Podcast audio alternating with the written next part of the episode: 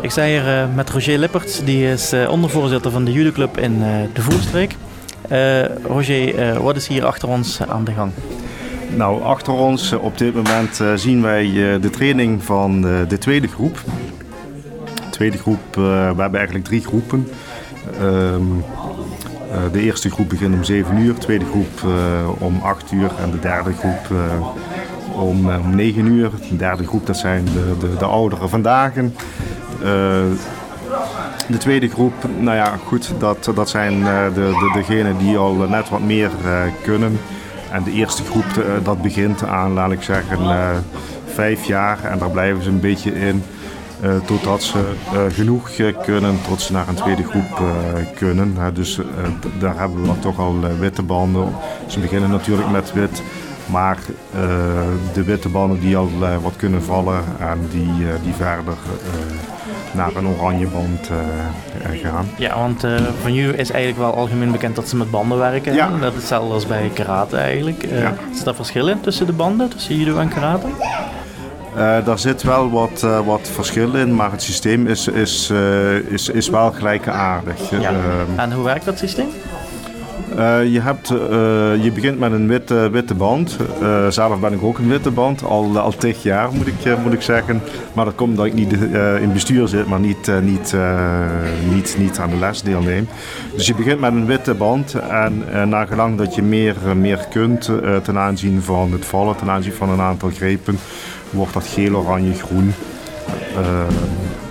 om uiteindelijk bij Bruin en als je dan uh, nog, nog uh, trainingen gaat doen bij de Limburgse, Limburgse trainingen dan, of wedstrijden gaat, gaat doen, dan kan dat een zwarte band worden.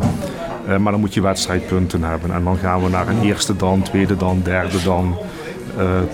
ik geloof dat we in Europa zesde dan nog, nog hebben. En dan moet je al naar Japan gaan voor, uh, voor nog hogere uh, dannen. Maar goed, uh, hier zitten we. we hebben de trainer heeft, heeft zwarte band. Um, en hij heeft ook enkele dannen. Um, maar goed, het is dus met name uh, het is recreatief wat wij hier doen. Hè. er zijn ook wel in het verleden een aantal judoka's die ook wedstrijden gaan, gaan doen. Maar wij zijn van, van huis uit een recreatieve judovereniging. Ja, dus waarbij we de, de, de vrijdagavond gewoon proberen wat leuk door te brengen met, met, met de kinderen. maar straks ook van 9 tot 10 met, met de ouderen. En de ouderen die, die blijven dan nog wel eens graag plakken om nog even na te babbelen bij, een, bij een glaasje natuurlijk. dat hoort er dan ook, ook bij. En op zich staan wij natuurlijk altijd open voor, voor vernieuwing. Dus ook mensen die, die zich willen engageren. Daar hebben wij nog altijd wel nood aan. mensen met nieuwe ideeën, mensen die, die de schouders eronder willen, willen zetten mensen die mee willen helpen, op welk gebied dan, dan ook. Dat zijn, daar zijn we zeker nog altijd op, op zoek. Hè? Want we willen natuurlijk wel ook ja, de, de, de, komende 15 jaar willen we natuurlijk ook weer, weer, weer vooruit. Nee. Hoe lang bent u zelf al lid? Ik ben zelf lid sinds 1999, maar ik sta niet op de mat. Nee heeft nog steeds een witte band. Dus, uh... Ik heb nog steeds witte, witte band. Ik, ik geloof ook niet dat dat ooit nog een gele band gaat, uh, gaat, uh, gaat worden. Maar betekent dat wel dat u ooit een keer op de mat gestaan heeft? ik heb, ik heb wel een paar lessen op de mat gestaan, maar dat was niet zo waar mij besteed. Dan sta ik naast Rian Marks, trainer van de judoclub Voorstreek. goedemiddag. Ja, goedemiddag allemaal. Ja, zo'n training, hoe lang doet u dit al? Uh, ik geef al een jaar of zeven geef ik, uh, training. Ik ben toen tijd ben begonnen in Sittard met uh, lesgeven bij uh, Budoclub uh, Rio Sittard. En sinds een jaar of drieënhalf of zo doet het ook een uh, judoclub Voerstreek in België.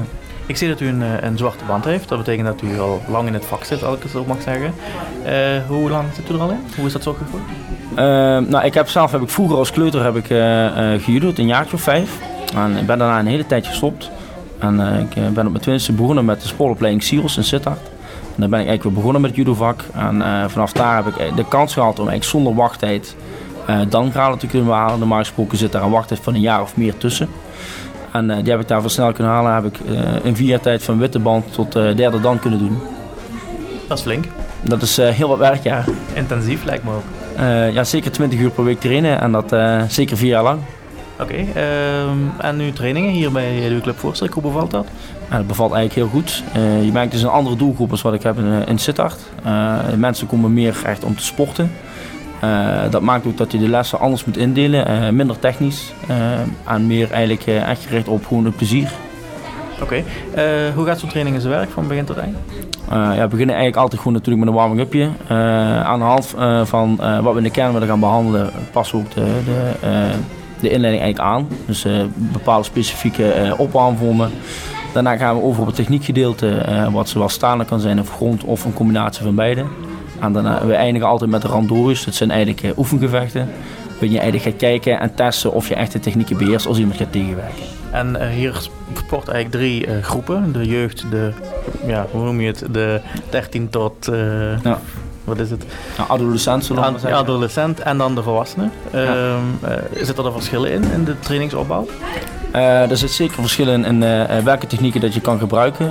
zeker ook in hoe ga ik de technieken aanbieden. Bij de kleuters is natuurlijk heel veel speelsgewijs met spelvormen dat we ze bepaalde dingen proberen aan te leren. En vanaf de adolescentenjeugd, tussen 13 en 14 jaar, dan beginnen we al wat serieuzer met het, het judo-techniek. Ook wat meer krachttraining erin te doen. En bij de volwassenen, nou, daar komt af en toe het idee soms dat een beetje de jeugd weer terugkomt, zullen we maar zeggen. Een beetje speels dan weer. ja, een beetje speels af en toe. Met, uh, met natuurlijk wel een, eh, een, een, serieuze toon erin. Maar wel op een leuke manier. Ja. ja. Uh, traint u zelf ook nog? ik train nog altijd. in Sittard sowieso altijd nog mee. En ik ben nou in training met mijn partner voor mijn vierde dan. Dus dat is ook heel wat werk, maar we zijn wel op weg. Drie was niet genoeg. Nee. we willen proberen naar vijf te komen. Naar vijf te komen, ja. En uh, wat is het speciaal aan vijf? Uh, vijf is eigenlijk de laatste gradatie uh, wat in het zwart wordt vergeven. Daarna ga je over naar rood-wit, dat is zesde tot en met tiende.